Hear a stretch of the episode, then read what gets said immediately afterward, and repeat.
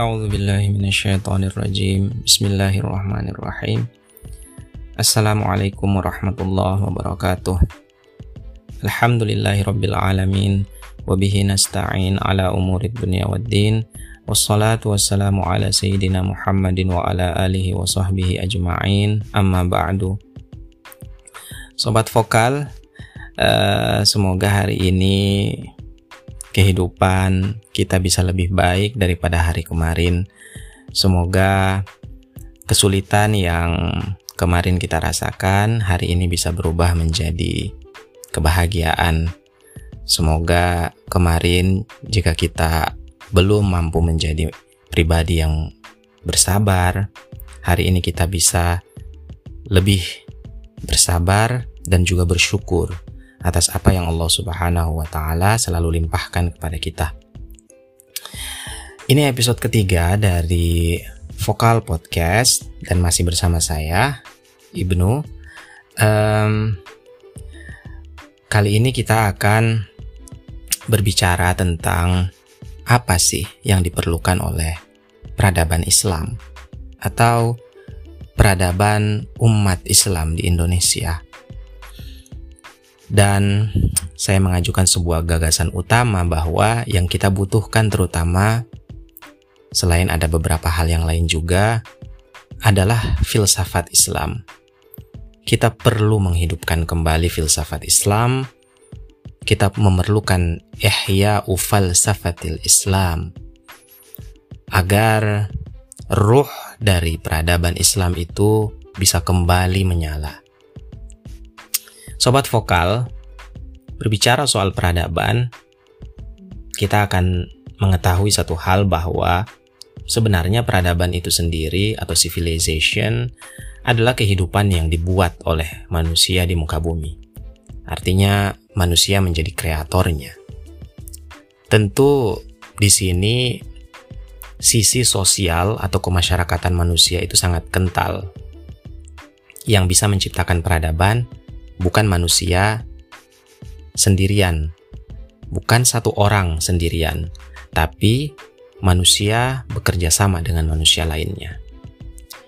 Ya, para peneliti sejarah dan kebudayaan mengartikan peradaban sebagai sebuah kehidupan yang dikreasi oleh masyarakat manusia.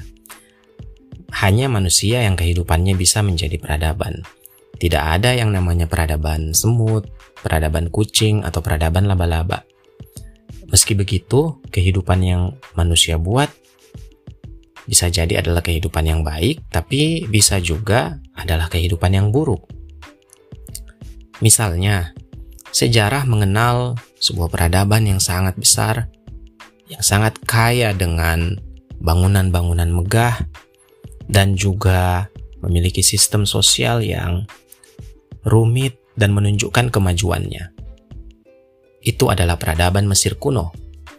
Tapi, siapa di antara kita yang akan bilang bahwa peradaban yang dibangun di atas perbudakan dan penindasan segolongan manusia terhadap manusia yang lain itu adalah sebuah peradaban yang baik? Tidak. Tidak semua peradaban adalah peradaban yang baik. Lalu kita berpikir lagi, mengapa sih anda, saya harus peduli pada peradaban yang baik. Mengapa kita harus susah-susah membangun sebuah peradaban yang baik? Ya, mungkin ada orang yang baru akan sadar tentang betapa pentingnya peradaban yang baik nanti setelah ia tertekan setengah mati di bawah sebuah peradaban yang buruk. Ya, kita mengerti, misalnya, kita pernah mengalami sejarah penindasan yang kita sebut saja masa di mana peradaban itu didominasi oleh imperialisme dan kolonialisme. Indonesia mengalami penindasan tersebut dan orang-orang Indonesia the founding fathers and mothers tentu saja pada masa itu merasakan betul bahwa hidup di tengah-tengah penindasan dan perbudakan adalah sebuah nuansa yang sangat-sangat tidak menyenangkan, mengenakkan, dan sangat uh, uh, berat menyiksa diri mereka. Itu yang membuat mereka ingin untuk merdeka. Ya, apakah kita yang hari ini uh, sedang merasakan kehidupan dalam kondisi yang sebenarnya relatif jauh lebih baik daripada masa-masa kelam ketika Indonesia berada dalam penindasan. Apakah kita baru akan peduli pada peradaban yang baik, pada usaha dan eh, cita-cita membangun peradaban yang baik itu nanti setelah kita ditindas lagi? Apa kita perlu merasakan hidup berada di bawah peradaban yang buruk, baru kita akan peduli pada bagaimana menciptakan peradaban yang baik? Atau mungkin Anda akan bilang bahwa ya peradaban kita hari ini eh, baik-baik saja, jadi tidak ada yang perlu dilakukan untuk memperbaikinya. Bisa jadi Anda benar. Tentu saja, bagi Anda yang setiap hari dilayani oleh pendingin udara, AC, listrik berlimpah, air hangat di bathtub, dan jutaan rupiah di dompet, tentu saja peradaban terasa tidak ada masalah. Tapi Anda tahu di luar sana ada jauh lebih banyak orang yang tidak seberuntung Anda. Haruskah kita membiarkan semua berjalan begitu saja? Artinya ya kita tidak usah sok peduli lah pada kehidupan orang lain. Saya yakin tidak. Kita tanya ke hati nurani kita, saya yakin kita sebenarnya peduli. Kita harus berbuat sesuatu untuk membangun peradaban dan kehidupan yang lebih baik. Mengapa begitu? Bukankah hidup, nyawa, dan nafas yang kita punya adalah pemberian Tuhan? Bukankah Tuhan juga yang memberikan kita petunjuk, hidayah, sehingga bisa mengenalnya? Bukankah Dia yang memberi kita rezeki? Bukankah itu artinya dia sudah berbuat baik kepada kita, kepada Anda? Nikmat yang hari ini kita rasakan dalam hidup itu pemberian Tuhan. Jauh lebih banyak hal yang kita terima dalam hidup ini yang tidak dikendalikan oleh kemampuan, oleh pengetahuan, dan oleh pekerjaan kita. Bukankah itu semua pemberian, kemurahan, dan kemudahan darinya? Nah, tengoklah salah satu firman Allah Subhanahu wa taala ketika dia mengatakan fa'ahsin kama ahsanallahu ilaika. Dia berkata, "Berbuat baiklah kamu sebagaimana Allah sudah dan selalu berbuat baik kepadamu." Allah mengatakan kepada kita, Aku yang memberikan kebaikan, ihsan, kenikmatan, ni'am itu kepada kalian dan kalian harus berbuat baik juga sebagaimana aku berbuat baik kepada kalian. Sobat vokal, menurut ilmu mantik uh, atau log logika di dalam khazanah intelektual Islam, uh, kita mengenal uh, um, sesuatu yang disebut dengan the liberal arts at, uh, yang kemudian terkandung dalam trivium dan quadrivium. Uh, trivium itu tiga ilmu instrumental yang sangat penting bagi manusia untuk membuat mereka mampu mandiri, berdiri sendiri, berpikir dengan akal dan kepalanya sendiri. Itulah kenapa disebut the liberal arts, seni pengetahuan yang membuat kita bebas dan mandiri. Yang pertama adalah grammar atau dalam uh, khazanah Islam disebut dengan an-nahwu. Yang kedua adalah mantik yang tadi kita sebut yakni logika, logic. Dan yang ketiga adalah retorik atau dalam khazanah Islam disebut al-bayan. Nah, dalam ilmu mantik, kata perin, kata perintah itu bermakna keharusan. Artinya sesuatu yang disampaikan dalam bentuk perintah dia mengandung makna keharusan. Jadi si penerima eh, perintah harus melakukan apa yang diperintahkan. Ahsin adalah kata perintah. Nah, di sini kita melihat siapa yang berhak memerintah kita.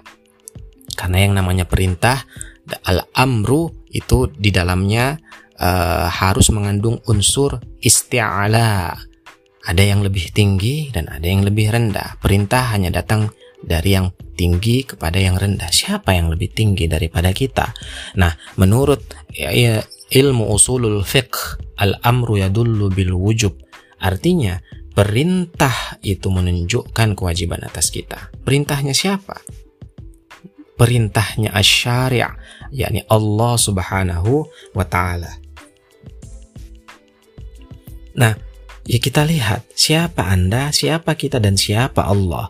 Nah, jika kita paham posisi kita sebagai makhluk Allah Subhanahu wa taala, maka menciptakan peradaban yang baik itu sebenarnya adalah kewajiban, sesuatu yang diwajibkan oleh Allah kepada kita. Allah tidak hanya memerintahkan kepada kita kewajiban untuk sholat, kewajiban untuk zakat, dan kewajiban untuk saum, tapi juga kewajiban untuk menciptakan peradaban. Bahkan secara eksplisit Allah Subhanahu wa taala menyatakan Inna salata tanha anil fahsyai wal munkar. Salat itu sungguh Allah menggunakan kata sungguh verily sungguh Allah Subhanahu wa taala mengatakan sungguh salat itu benar-benar menghalangi, menghapuskan dan mencegah dari perbuatan fahsya, keji, buruk, wal mungkar dan perbuatan jahat.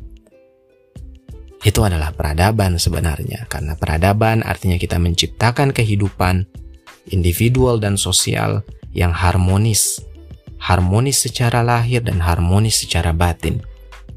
Sebenarnya adalah tugas kita untuk menciptakan kehidupan yang lebih baik. Tampaknya setiap muslim harus sadar bahwa sebagaimana kita diperintahkan mendirikan sholat, ya kita juga diperintahkan untuk mendirikan peradaban. Tadi kita sudah sebut, ya bukankah Tuhan sendiri berkata, Inna salata tanha anil fahsyai wal munkar. Salat itu menolak keburukan dan kejahatan. Salat yang benar membuat kita mampu membangun peradaban. Intelektual Muslim di abad modern ini uh, seperti Ali Alawi yang menulis buku luar biasa The Crisis of Islamic Civilization, krisis peradaban Islam saya sarankan sobat vokal untuk membaca buku tersebut karena di sana dia memberikan petunjuk kepada kita apa yang sebenarnya selama ini terjadi di dunia Islam um, semenjak periode berakhirnya kolonialisasi dan hingga abad uh, modern ini. Apa sebenarnya yang terjadi dan krisis apa yang kita alami. Ada di dalam buku tersebut dengan sangat baik dan um, lugas dijelaskan. Ya, intelektual Islam seperti Ali Alawi, Hussein Nasr, Sayyid Hussein Nasr, uh, Sayyid Naqib Al-Attas, kemudian almarhum uh, Nur Khalis Majid, kemudian dosen saya sendiri di Universitas Paramadina, uh, Profesor Abdul Hadi WM, mereka selalu mengingatkan kaum muslim akan pentingnya peradaban Islam itu dihidupkan kembali.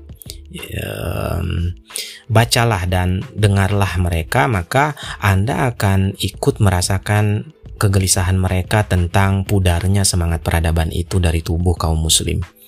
Berjilid-jilid buku tebal mereka tulis tentang peradaban, dan berbinar-binar matanya tatkala menjelaskan mundurnya peradaban umat Islam hari ini. Seolah-olah mereka itu tahu bahwa Tuhan akan bertanya kepada mereka seperti ini nanti di hari akhir. Sudahkah kalian melaksanakan perintahku untuk membangun peradaban yang baik?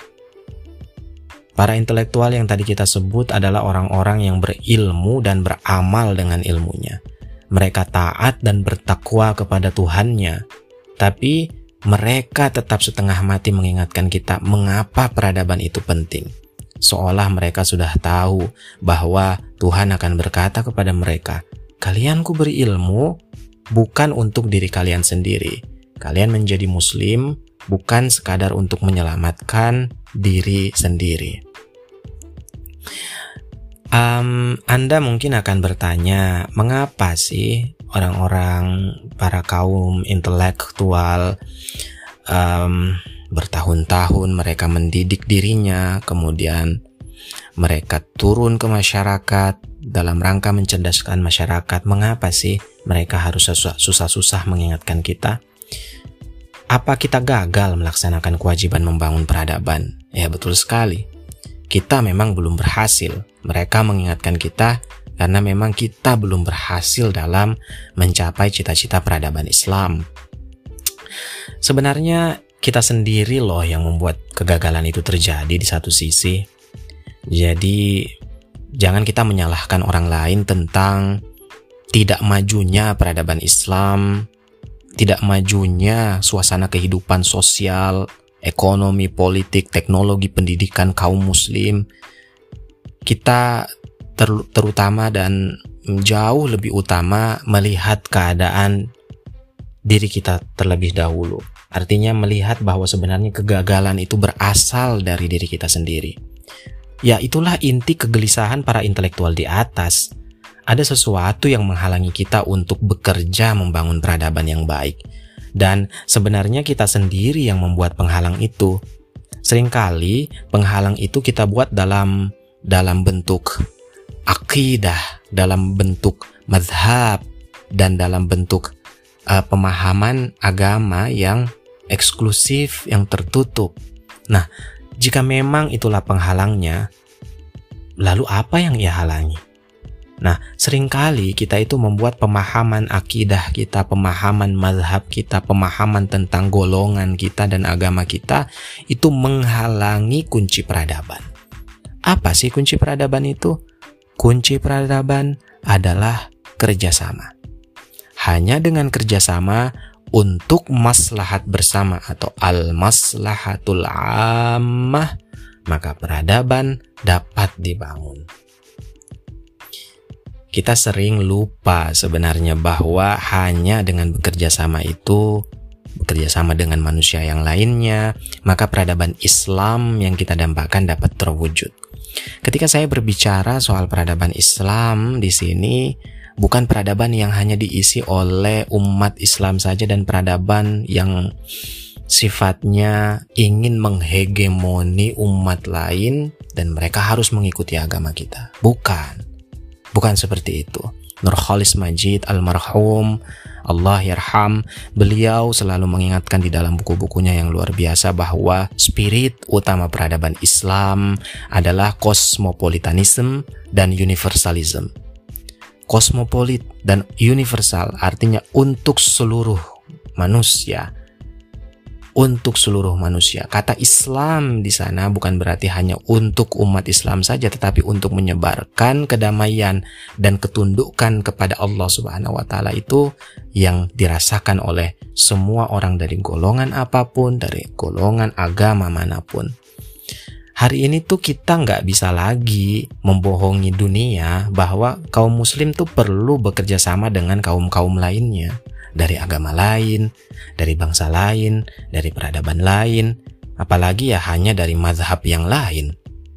Jika para intelektual-intelektual muslim yang tadi kita sebutkan berusaha membangun kembali peradaban Islam, yaitu artinya sebenarnya di masa lalu kita punya presiden peradaban Islam itu. Kita sudah punya contoh peradaban Islam itu. Itu adalah peradaban yang dibangun di atas kerjasama antar manusia dari beragam agama, suku, dan bangsa. Bacalah salah satu buku yang juga luar biasa yang menjelaskan tentang um, gambaran sosio politik um, peradaban Islam pada abad ke-8 hingga ke-12 Masehi yang secara uh, sangat mudah dipahami itu ditulis oleh uh, intelektual muslim asal Turki Ahmet Tekuru dalam bukunya Islam Authoritarianism and Underdevelopment.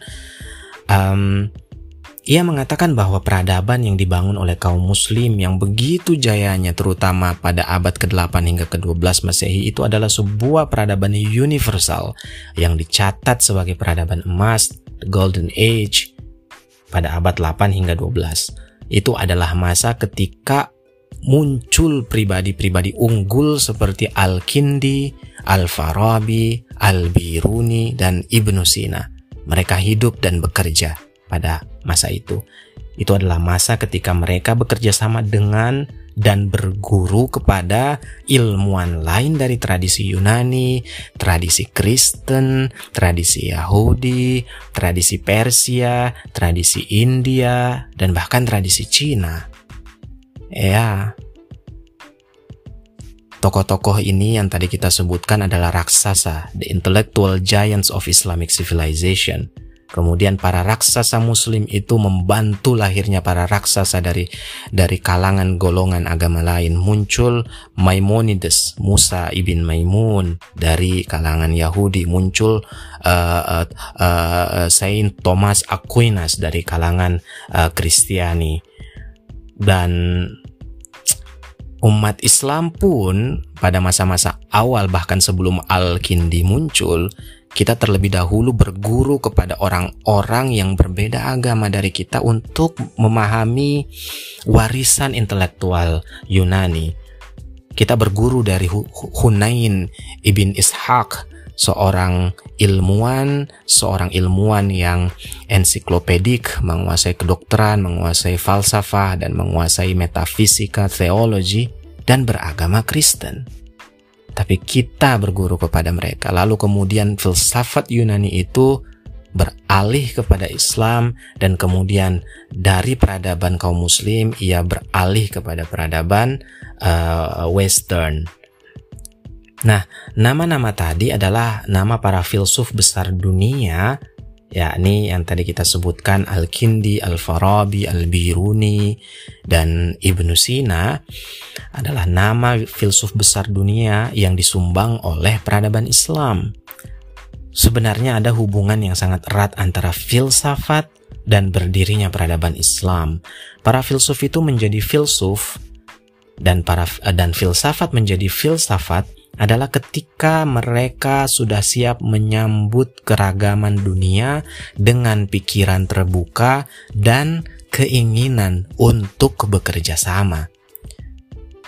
Apa yang melandasi filsafat adalah apa yang melandasi peradaban Islam, yaitu kebebasan berpikir, keadilan, the spirit of justice, dan semangat kerjasama, coexistence. Bacalah kitab-kitab klasik dan hanya dalam kitab-kitab filsafat Anda akan temui maksud saya filsafat Islam ya hanya dalam kitab-kitab filsafat Islam um, Anda uh, bisa temui pikiran dan pendapat asing yang bukan Islam seperti Yunani, Kristiani dan Yahudi dikutip, dihargai dan diterima sebagai kebenaran milik bersama. Itulah sebenarnya jiwa dari dari filsafat Islam yang kemudian ia membantu tumbuhnya sebuah Islamic civilization. Bukankah Allah Subhanahu wa taala sendiri berfirman secara lugas, secara fasih dan secara balil di dalam Al-Qur'an Quran surat Al-Baqarah ayat 62 Allah Subhanahu wa taala berfirman kepada kita Astagfirullah billah innal ladzina amanu wal ladzina hadu wan nasara was sabiin man amana billahi wal yawmil akhir wa amila salihah fala khaufun alaihim wa lahum yahzanun. Kurang lebih seperti itu Allah Subhanahu wa taala mengatakan sesungguhnya kaum beriman the the the the uh, the, the believers dan orang-orang yang berasal dari agama Yahudi, Kristiani, dan kaum Sabi'in, siapa pun di antara mereka yang amana billahi, yang percaya kepada eksistensi Tuhan, dan wal yaumil akhir, dan hari pembalasan, hari akhir, the day of judgment, wa amila salihah dan beramal saleh dan melakukan kebaikan selama hidup di dunia ini, maka untuk mereka ganjaran dari sisi Tuhannya. Dan tidak ada ketakutan atas mereka. La khaufun alaihim walahum yahzanun ketakutan teror tidak ada atas diri mereka dan juga mereka tidak berduka cita Alhamdulillah Indonesia sebenarnya adalah contoh yang luar biasa dari bagaimana umat Islam bisa bersama-sama membangun peradaban modern, the nation state of Islam, dan menyebut kebangsaan kita dengan bangsa Indonesia. Di dalamnya terdiri bukan hanya umat Islam, tetapi juga Kristiani, dan yang lain sebagainya yang diakui sebagai sama-sama hamba Allah Subhanahu wa taala, yang diakui sebagai sama-sama orang yang sedang berjalan menuju kebenaran. Dan kita kemudian mengakui kita perlu bekerja sama supaya kehidupan yang kita berusaha ciptakan juga merupakan kehidupan yang harmonis, kehidupan yang diisi oleh harmonisme yang bisa menciptakan kosmos, uh, keteraturan dan menghindarkan diri dari chaos atau ketidakteraturan. Um, episode kali ini itu saja, sobat podcast. Uh, semoga apa yang disampaikan Mudah-mudahan ada sedikit manfaatnya. Uh, kita bertemu lagi nanti insya Allah pada episode yang keempat berarti ya. Sekali lagi terima kasih loh udah mau mampir di channel kami ini. Uh, Allahu a'lam bisawab. Wassalamualaikum warahmatullahi wabarakatuh.